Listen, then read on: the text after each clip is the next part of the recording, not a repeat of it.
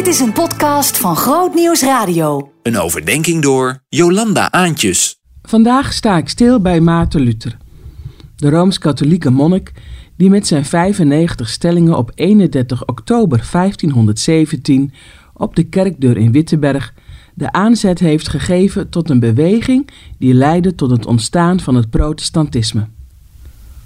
Deze Luther heeft ook geschreven over bidden.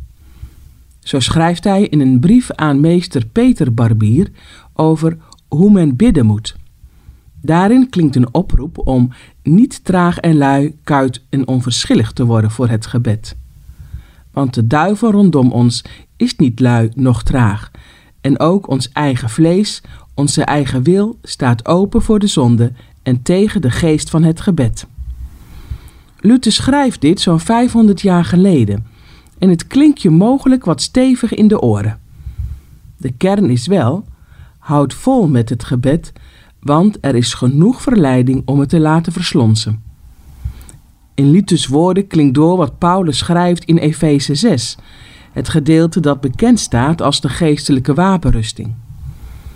Paulus schrijft daar onder andere: Zoek uw kracht in de Heer en laat u bij het bidden leiden door de geest. Blijf waakzaam en bid voortdurend.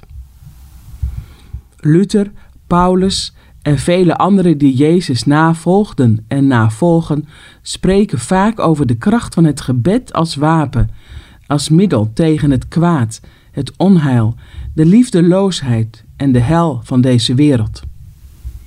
Tegen alles wat je van de liefde van God afbrengt. En ze roepen steeds op om het vol te houden. Luther schrijft in zijn brief ook een advies dat 500 jaar later nog steeds van waarde is. Hij schrijft: Daarom is het goed dat men s'morgens vroeg van het gebed zijn eerste en s'avonds zijn laatste werk maakt. Sjees dus niet direct de dag in. Neem even bewust de tijd om met God te starten op de rand van je bed, met het ontbijt, of misschien wel als je even alleen op het toilet zit en geen kleine kinderen om je heen hebt.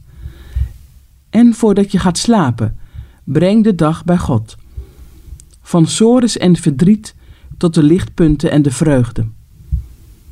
Op vaste tijden van de dag je aandacht op God richten geeft bescherming in je leven en houd je oog gericht op Jezus.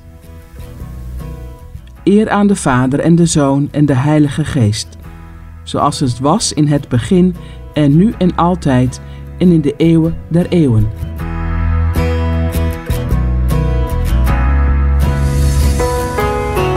Meer verdieping? grootnieuwsradio.nl/podcast